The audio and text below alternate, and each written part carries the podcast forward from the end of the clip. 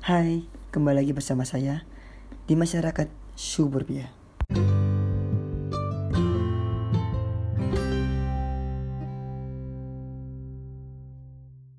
Halo masyarakat suburbia listener Asia. Kembali lagi ber- kembali lagi bersama Gagah di sini. Gagahnya sebagai apa ini? Moderator. Apa sih? host, host, bisa host, bisa host, host kali ya. Oh, bisa host. Oke, sekarang Kak Gagah jadi host di episode masyarakat suburbia kali ini dengan tema apa nih Kak?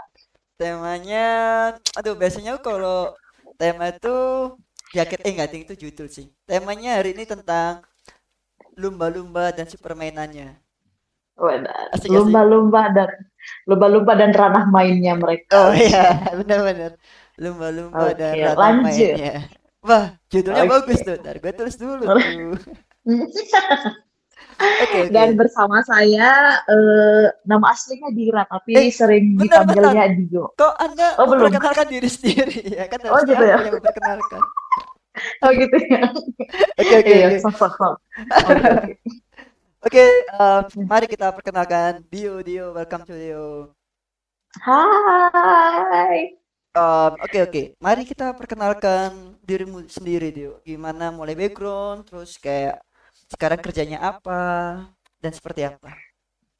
Oke, waduh pertama-tama mau ngucapin makasih banyak nih sudah diundang di podcast masyarakat suburbia, udah podcast yang nantinya akan jadi satu hal yang tren ke depan Asia.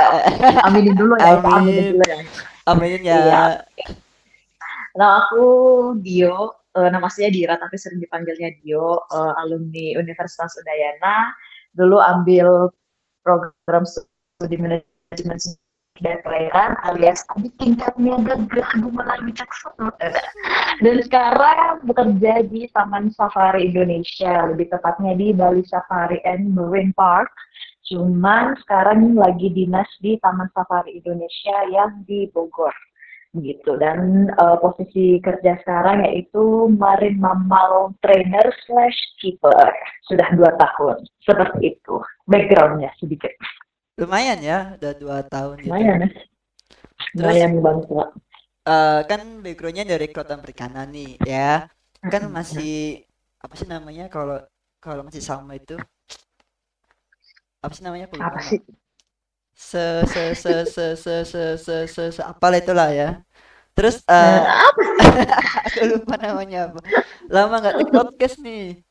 Jadi- iya nih gimana dong jadi alasannya Dio sendiri eh, atau dorongannya buat ambil pekerjaan ini tuh apa yuk Oke, jadi pertama karena sebenarnya backgroundnya itu di manajemen sumber daya perairan. Kan sumber daya perairan kan nggak cuma ikan-ikan aja tuh banyak macam halnya. Eh ya you know lah. Hewan habitat hewan yang berhabitat di air itu kan tidak cuma ikan doang. Salah satunya ada lumba-lumba. Jadi eh, sebenarnya tawaran kerja ini cukup menantang ya. Soalnya selama kuliah juga eh, sedikit banget sih belajar mengenai eh, apa namanya satwa mamalia air. Jadi ya udahlah sambil-sambil nambah ilmu diterimalah pekerjaan di lumba-lumba ini gitu. keren ya bisa ketemu lumba-lumba gitu Waduh, terus makasih loh. Eh, job desk-nya apa Terus, di sana terus.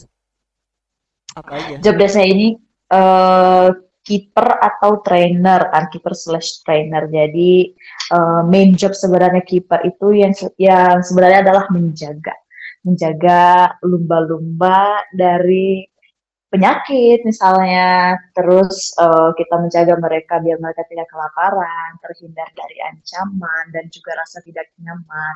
Jadi intinya kita itu menjaga kesejahteraan lumba-lumbanya seperti itu.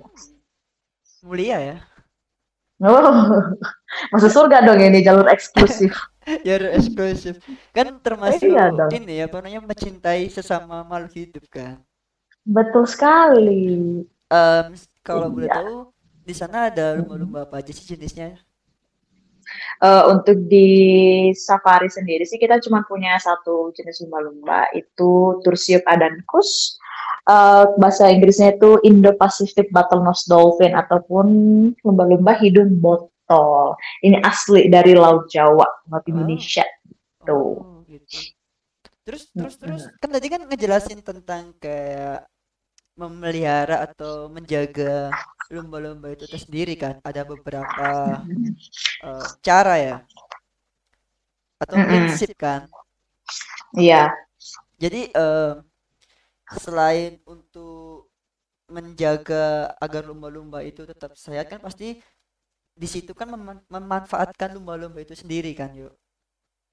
Jadi kayak apa sih manfaat lumba-lumba ini gitu? Selain di perairan ya tapi kalau di ruang lingkupmu itu Oke, kalau di ruang lingkup bio ini kita basisnya itu adalah edutainment. Jadi selain kita mengedukasi, kita mengentertain para pengunjung gitu. Jadi eh, tolong di sini dihilangkan persepsi eh, Taman Safari itu sirkus gitu. Enggak, di sini ah tuh I kita ah, kita mengedukasi para pengunjung semuanya dengan sedikit eh, membalut edukasi tersebut dengan hiburan gitu. Itu sebenarnya fungsi dolphin yang ada di sini kayak gitu. Lebih kepada lebih kepada tujuan Taman Safari itu mengedukasi para warga Indonesia yang berkunjung ke Taman Safari Indonesia gitu. Soalnya kan oh masih awam nih, masih banyak sekali masyarakat awam yang masih belum ngeh gitu terhadap lumba-lumba itu. Dia sebenarnya ikan kah atau bukan kah? Gitu-gitu deh. ya ya bener-bener dan aku tertarik banget sih sama pernyataan tadi atau statement yang bilang kayak di sana tuh entertainment tapi bukan sirkus. Karena Yes, betul. bedanya jelas sih ya kayaknya. Kalau Mm-mm. menurutmu bisa nggak ngejelasin gitu? Karena kan aku apa paham. perbedaan sirkus dan iya. juga di sini? ya di situ. Yang lebih jelas banget tuh loh biar mereka tahu gitu kayak bedanya apa. Karena nggak semua orang tahu bedanya kan. Mm-mm. Betul. Jadi eh, salah satunya tuh kita punya namanya animal welfare.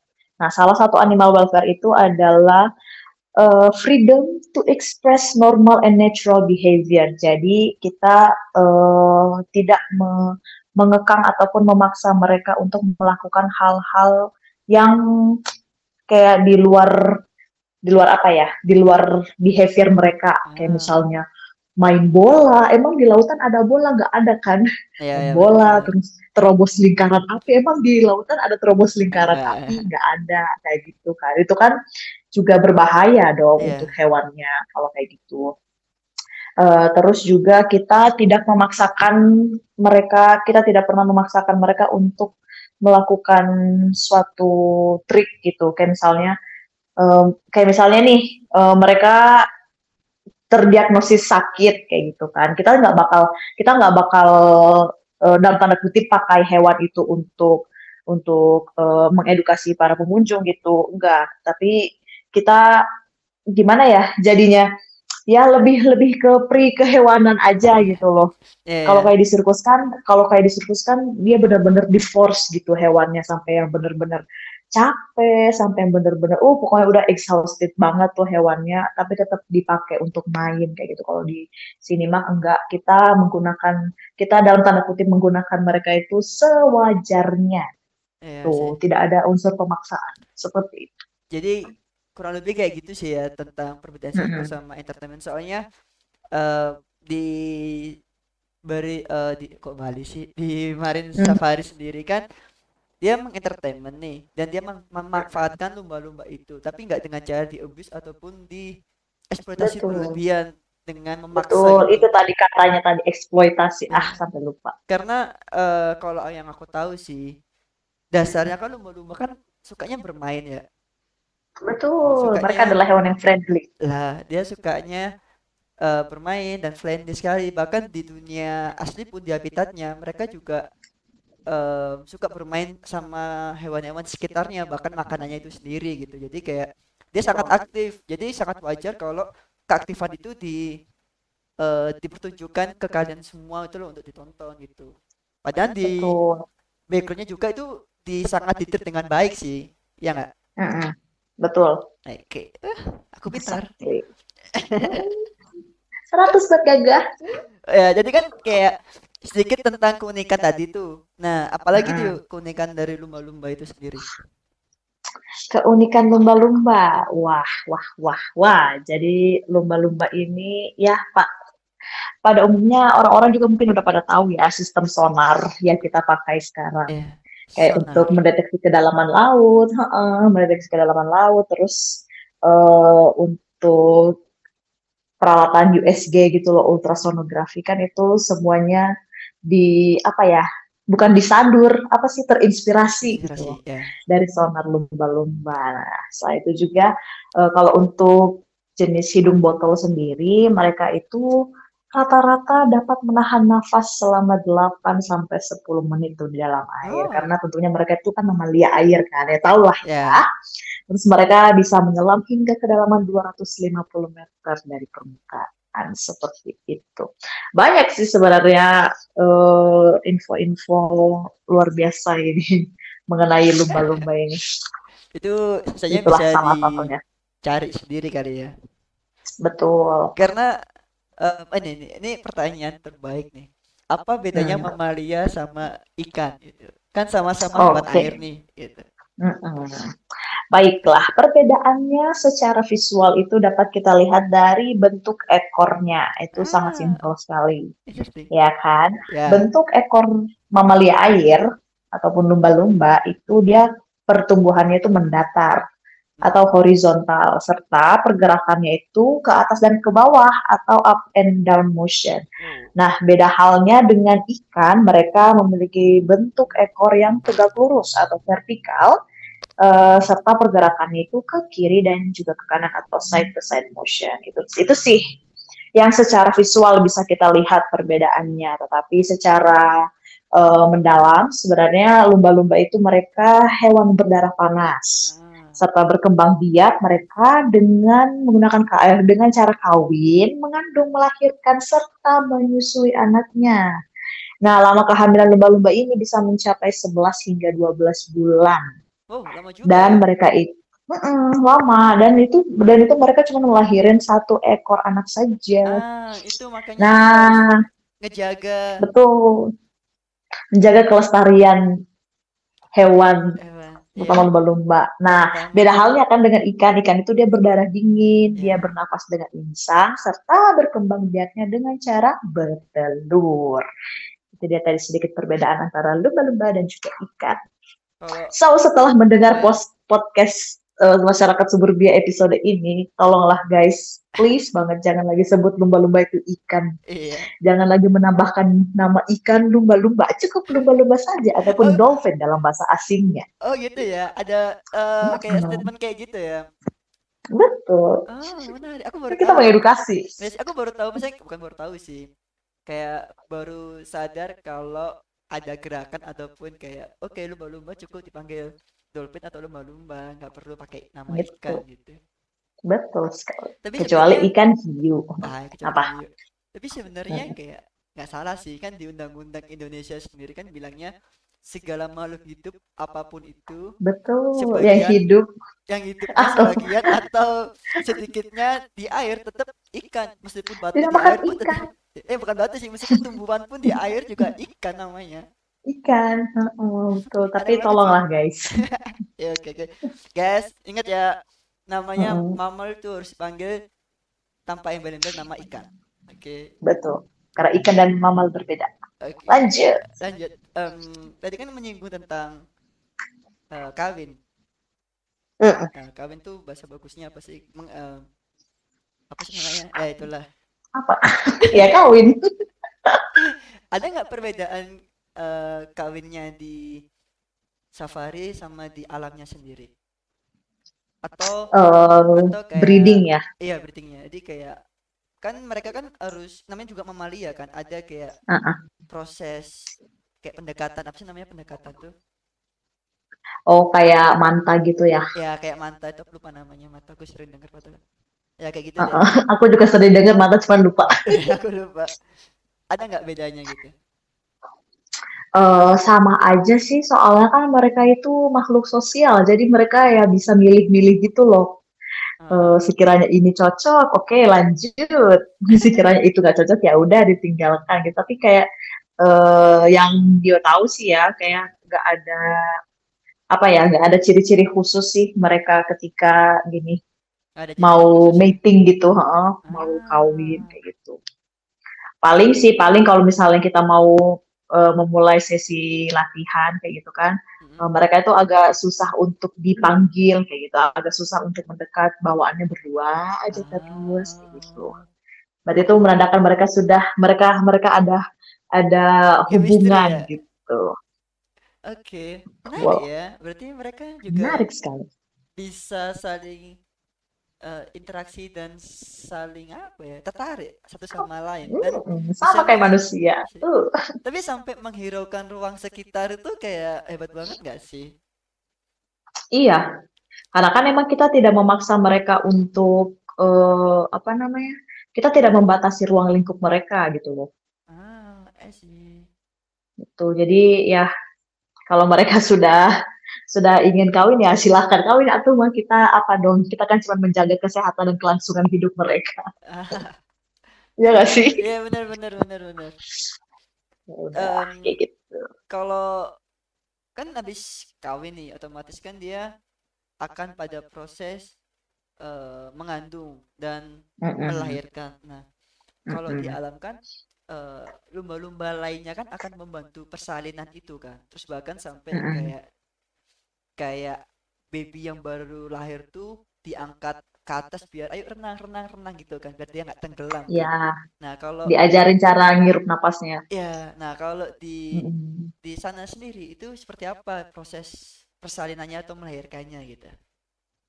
Eh, kalau di sini sih kita mendekati bulan ke 10 itu kita udah ada proses pemisahan. Pemisahan dalam artian mereka itu di karantina yang hamil. Kayak gitu. Soalnya nanti akan tetap ada pantauan 24 jam juga dari kita. Jadi nggak ada kontak lain dengan lumba-lumba lain.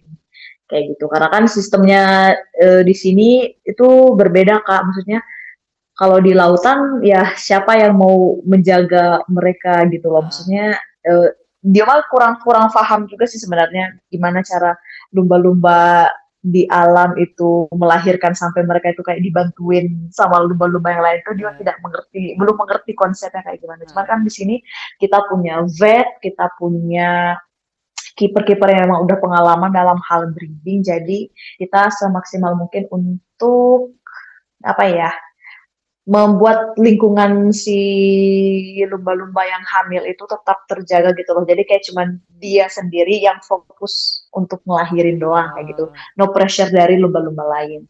Soalnya kan gini loh Kak, di si eh bukan di sini sih. Lumba-lumba itu kan mereka juga punya jiwa sosial yang kayak pencemburuan gitu loh. ya, oh, Jadi kayak misalnya nih mereka ada yang hamil, terus kan eh, otomatis mereka ini prioritas gitu loh. mm, Sering diperlakukan lebih di treatment khusus kayak gitu. Nah, lumba-lumba lain juga pasti ada yang merasa cemburu. Jadi kadang lumba-lumba yang hamil ini diserang kayak gitu kasihan karena rasa cemburuan ini. Heeh. Jadi makanya kita mencoba untuk memisah agar meminimalisir hal tersebut terjadi kayak gitu. Jadi lumba-lumba yang hamil khusus fokus aja udah eh, untuk melahirkan nanti di ruang karantina kayak gitu, di kolam karantina Berarti tuh. Eh, cukup ditreat dengan baik ya, meskipun kayak eh, nggak eh, kita belum tahu secara detail kehidupan mereka di eh, di sana di alamnya, tapi di safari udah sebaik mungkin dan udah berulang-ulang apa ya sih namanya kayak ber- udah pattern oh pattern udah tahu lah ya. Terus kalau itu kan tentang kayak persalinan gitu sih. Nah, tau nggak Mm. caranya lumba-lumba tidur? Dalam arti kayak posisi dia tidur atau dia tidur kayak gimana gitu. Karena kalau di alam Mm, liar kan dia tidur sambil eh, nggak sepenuhnya tidur kalau nggak salah ya. betul, Ah, betul. Jadi eh udah nih, udah bertanya nih. oh iya. Jadi mereka itu tidur dalam keadaan separuh otaknya terlelap, separuh lagi aktif. Oh, Kayak gitu. Soalnya kan eh, mereka tidurnya itu di dasar. di Sedangkan dasar. mereka iya di dasar kolam. Sedangkan mereka juga butuh udara Iya. untuk mereka bernafas kan mereka bernafasnya pakai paru-paru jadi makanya it, makanya otak mereka tuh bekerja bekerja setengah-setengah ya karena itu yang satu eh, sat- eh, alasan pertama yaitu untuk mengambil nafas, alasan kedua agar mereka tetap siaga ketika tertidur, jadi tidak sepenuhnya terlelap. Karena kan mereka di alam itu ada eh, mereka tuh bukan bukan top bukan apa namanya? atau Mereka masih ada yang eh, eh, mereka masih ada yang mangsa which is hiu kayak gitu. Jadi mereka tetap harus siaga ketika mereka istirahat juga. menarik karena pasti orang pada penasaran kalau mamalia itu tidurnya kayak gimana sih gitu apa mereka tidur atau Mm-mm. tidak kah Tidur guys, tidur. tidur guys kalau kalau Tolonglah. tidur dia juga tidur pastinya ya Mereka juga butuh istirahat. terus em, kalau kayak Apa? sonar kayak sonar gitu selain fungsinya untuk komunikasi untuk apa lagi ya? Eh, banyak sih untuk mencari makan juga bisa. Soalnya kan eh, sonar ini dia pantulannya itu mendetail. Jadi bisa dia bisa mengidentifikasi ya. Lokasi, oh echolocation bentuk, ya namanya. ukur, mm, oh ekolokasi, ukuran suatu target kayak oh oh, oh Yang kayak dipancarkan dari kepala lumba-lumba, sedangkan kepala lumba-lumba ini kita sebut dengan melon. melon. Melon. Melon, ah. Bukan buah ya, melon. istimewa banget ya dia Tahu. bisa kayak gitu ya. Keren sih. Betul, keren keren keren. Keren-keren. apa ya aku pengen nanyain tentang kayak sistem di sananya sih kayak eh aquarisnya gitu. Jadi kita kayak bisa beralih ke kualitas air di sana mungkin kayak gimana sih di sana itu kualitas airnya? Karena kan di laut kan air asin kan? Ataukah kita harus bawa bergalon-galon air asin dari laut ke ke Bogor ya? Mana sih ke Bogor ya? Iya, ke Bogor. ah ke Bogor. Ya atau enggak dong. oh enggak dong. Ya namanya enggak dong, tolonglah terlalu jauh dan terlalu banyak makan biaya dan waktu. Jadi di sini kita membuat airnya itu air asin buatan. Jadi kita hmm. mencampurkan air tawar dan juga 17 ton garam non iodium per sekali nguras dan pengurasannya ini kita rutinin 6 bulan sekali. Kayak gitu. Dan tentunya juga salinitas serta pH-nya itu kita sesuaikan dengan habitat aslinya. Seperti itu. Berarti itulah fungsinya eh, Aquarius ya. Bisa. Jadi kayak Ada ada ada ada ada bidangnya sendiri ya. ada ada bidangnya sendiri. Itu maksudnya di life life support system Ah. Jadi buat bagian LSS. Buat kalian terutama anak kelautan perikanan kayaknya nggak usah khawatir sama kerjaan sih. Pasti ada kerjaan-kerjaan yang tidak diketahui oleh orang tua kalian. Orang tua kalian biasanya Betul. cuma CPNS doang sih. Usah khawatir. Orang tua kolot suka gitu ya. Mindsetnya udah ada PNS aja gitu. Iya CPNS kalau selain itu mau jadi kerja apa kamu? Mau jadi apa? Mm-mm. Padahal Aduh ya ampun. Aquarius, ya kan? Iya betul. Nah, Nggak paham aja mereka dengan dunia yang semakin berkembang ini. Terus Gitu. em, Mm-mm. kita kembali lagi ke dia sebagai seorang sosial sih. Tadi Mm-mm. udah kayak ngebahas cara berkomunikasi, terus kayak sebagian hidup di alam. Nah, dia kan hidupnya berkelompok-kelompok nih, terus kayak suka bermain, dan dia juga pernah cepat. Itu kayak bisa nggak sih ngejelasin tentang itunya secara morfologi atau secara kayak kehidupannya lah, lebih gambarannya kayak gimana? Cerita aja gitu. Oke, jadi mereka itu makhluk sosial dan mereka itu berkelompok. Kelompoknya itu namanya PODS, P-O-D-S. You know. PODS yang kayak anak-anak gaul zaman sekarang Eh, ya, pakai untuk ya tahu kan ya ya, kayak gitu. eh, PODS. Nah, biasanya PODS-nya ini terdiri dari 15 sampai 40 oh banyak. per grupnya kayak gitu. Tapi Apalagi ya? Apa? eh, Hmm. itu grup itu bisa dalam satu wilayah punya beberapa grup apa satu grup aja satu wilayah? Bisa, bisa, bisa dalam satu wilayah banyak grupnya. Itu Oh, bisa banget. Mereka kan tidak tidak terla, tidak mm, gimana ya? Bukan makhluk yang suka menandai wilayah teritorial mereka gitu loh, bukan kayak reptil. Ya, biasanya Mereka kan mah. kayak kayak Mm-mm. anjing kan pakai kencing air kencing tuh. Iya, Ya kan lebih kayak gitu dia. Enggak ya sih ya? mereka mah. Eh karena dia juga pasti migrasi ya. Yes, betul. Oh. terus Jadi terus ya iya untuk apa mereka menandai wilayah kalau misalnya mereka akan bermigrasi juga. apalagi ditandain juga larut-larut juga sama air ujung-ujungnya Iya kan ngapain? terus em, cara Hmm. makan nih ini sesuatu yang menarik dari lumba-lumba cara makan Cara makan. Oke, jadi mungkin eh, Dio ngejelasin jenis makanannya dulu kali ya. ah ya ya Dio kita harus tahu juga Hmm.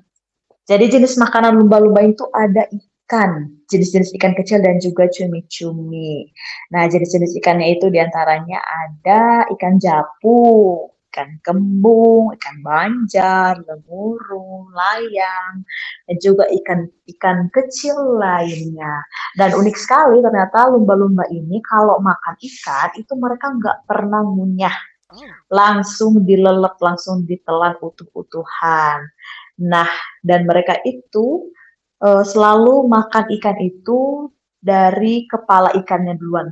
Ngerti gak sih? Jadi mereka tuh ngelelep ikan itu, jadi kepala ikannya duluan yang masuk. ah Kenapa begitu? Ha, kenapa begitu? Supaya sisik-sisik yang ada di ikan itu tidak menggores lidah ataupun kerongkongan lumba-lumba tersebut kayak gitu. hebat Dan ya lumba-lumba lumba-lumba itu eh, lumba-lumba dewasa ya, umumnya itu mereka makannya eh, kisaran 5% sampai 10% dari total berat tubuh mereka per hari. oh Itu banyak banyak sekali tuh banyak ya. Karena mereka kan bergerak juga, Wak.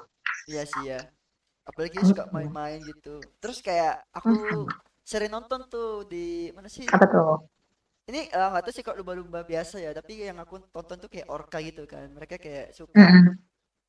ini agak eh, kenapa orca disebut eh, mamalia pembunuh atau lumba-lumba Paus pembunuh pembunuh. Hmm. ya Eh, Mm-mm. karena dia kan emang dasarnya kan predator utama kan cuma Mm-mm. caranya dia ngebunuh itu kayak ngebanting dulu buruannya Iya, dimainin dulu, ah dimainin-mainin dulu. iya itu kayak emang ciri khasnya dia seperti itu atau ada kayak alasan lain gitu atau enggak semua lumba-lumba kayak gitu.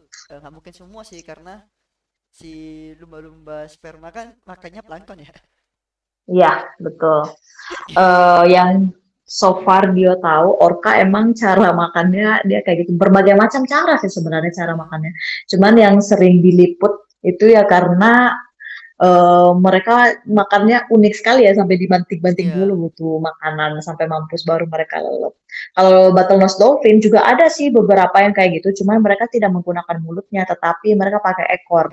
Jadi ikan-ikannya itu dihempas gitu loh kak. Ah enak. Dihempas pakai ekor baru mereka makan kayak gitu. Atau enggak mereka itu menggiringnya ke pantai.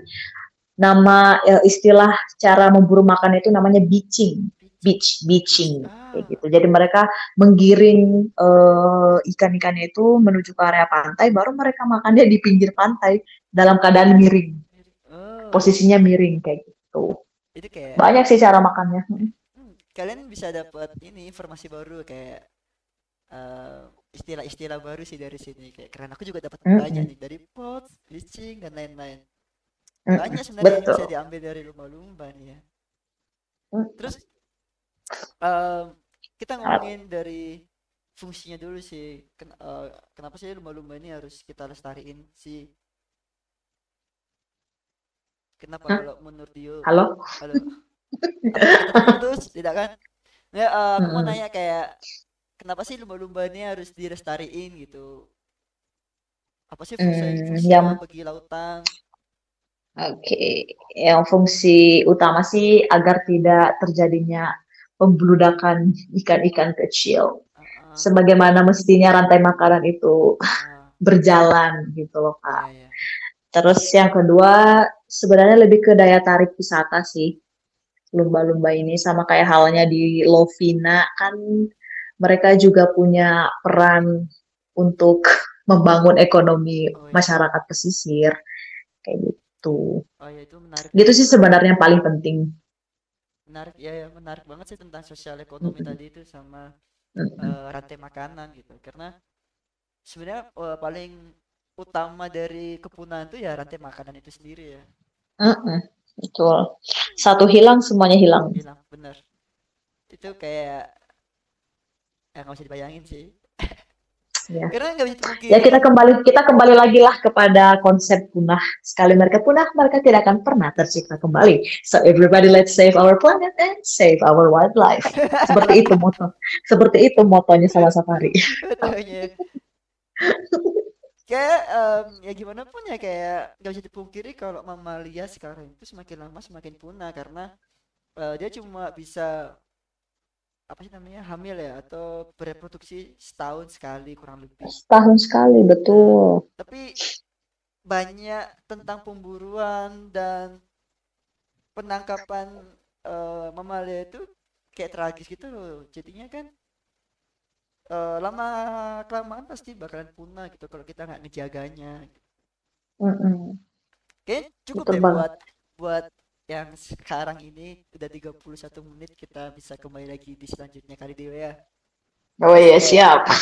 kayak ada nggak yang pengen disampaikan itu tentang tadi? Eh, buat teman-teman sekalian, oke, ya mungkin yang pertama itu ya, tolong lumba-lumba itu bukanlah ikan.